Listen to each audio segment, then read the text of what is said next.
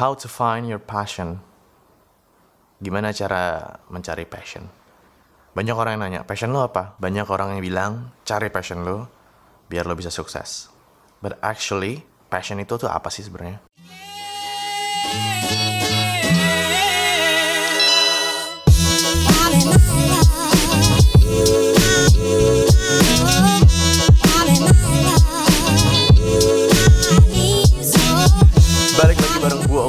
Muda Cuma Sekali The Podcast. So, buat lo yang baru pertama kali masuk Muda Cuma Sekali Podcast ini Muda Cuma Sekali Podcast adalah podcast yang ngobrolin tentang self-development things Dalam kancah karir dan education. So, gue bakal ngomongin tentang kayak semacam Gimana sih tips-tips kuliah, tips-tips kerja Sampai ke profesi-profesi di luar pekerjaan. Misalnya kayak sebagai content creator Atau sebagai influencer, semacam itu Nah, buat lo yang udah berkali-kali balik lagi ke podcast Muda Cuma Sekali, which means lo adalah seorang teman Ogut, I'm proud of you, bro. And then, hello, welcome back. So, we're going to talk about, of course, interesting things to talk about, right? So, hari ini topiknya adalah how to find your passion. Podcast ini bakalan nggak gitu panjang ya, mungkin sekitar 7 menitan atau 6 menitan lah. Karena gue mau bahas ini secara clear dan memang nggak perlu terlalu bahas banyak sih tentang passion ya. Oke, banyak banget sih orang yang bilang kita kalau mau sukses itu harus passion. Maksudnya harus bekerja sesuai dengan passion. Dan kalau misalnya lu udah passionate about sama pekerjaan lu, terus lu work hard, ya memang bisa sukses. Banyak orang-orang sukses yang bilang hal tersebut. Hal ini benar banget sih. Hari hal ini tuh di, di didukung sama kata-katanya Steve Jobs.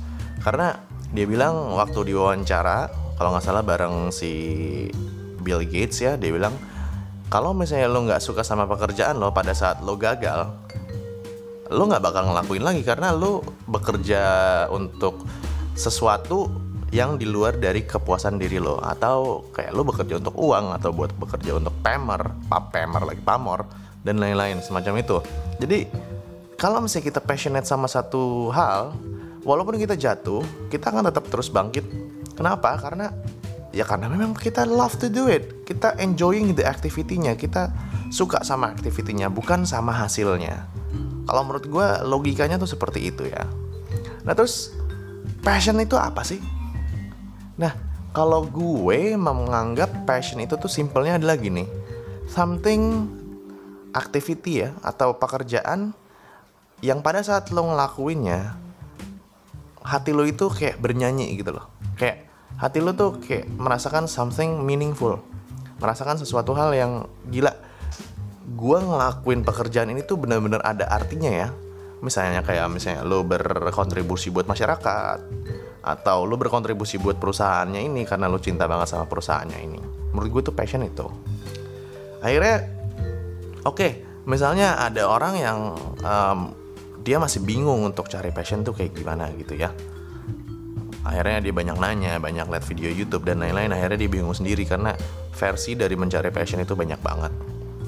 Nah kalau mm, kalau gua saran buat lo nih ya yang denger adalah kalau mau tahu passion lo tuh apa lo cuma tanya satu hal sama diri lo sendiri.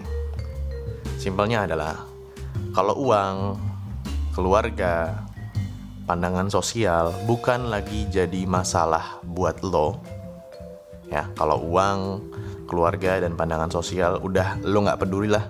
Atau semuanya sudah tercukupi semuanya udah setuju sama lo sesuai dengan apa yang lo mau pekerjaan apa yang bakal lo lakukan terus menerus terus menerus terus menerus sampai mati.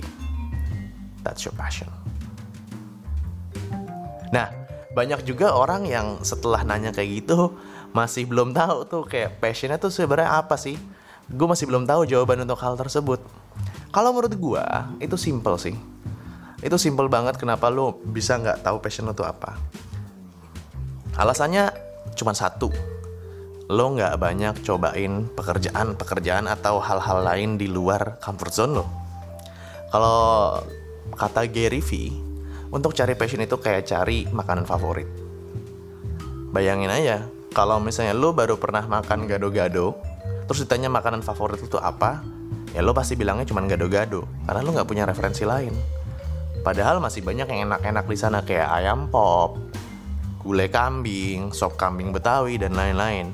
Jadi lu harus coba beberapa hal di luar comfort zone lo biar tahu, biar ada referensi buat cari passion lo tuh sebenarnya apa. Nah, setelah misalnya lo udah dapet passion lo tuh apa, banyak juga orang yang nanya sama gue kayak gini, bang, gue udah punya passion nih, gue udah passionate banget nih ngerjain sesuatu hal yang gue sukain ini nih. Tapi pertanyaannya adalah passion gue ini belum bisa ngasih hidup buat diri gue. Nah, banyak banget orang yang sedang merintis untuk menciptakan kehidupan dari pekerjaan yang memang dia passionkan. Nah, saran gue adalah simple banget. Kalau misalnya passion memang belum cukup untuk hidup, kita ambil pekerjaan yang memang bisa mencukupi hidup kita dulu. Karena ada satu konsep yang gue pelajarin juga dari Gary Vee yang namanya adalah side hustle. Di mana lo mengerjakan passion lo tuh sebagai sampingan dulu awalnya nanti sampai passion lo sudah menghasilkan baru lo bisa full time di passion lo tersebut misalnya kayak lo kerja kantoran deh 9 to 5 tapi lo setelah pulang kerja misalnya jam 6 jam 7 kan sampai rumah jam 8 lo main sama keluarga lah atau ngobrol-ngobrol sama anak sama istri atau sama teman. Nah nanti jam 9 setelah lo makan selesai dan lain-lain Lo kerjain passion lo Kan lo masih punya 9, 10, 11, 12 Masih ada sekitar 4 jam lah kalau nggak salah. 3 jam, 4 jam, 9, 10, 11, 12 Ya 4 jam untuk kerjain passion tersebut.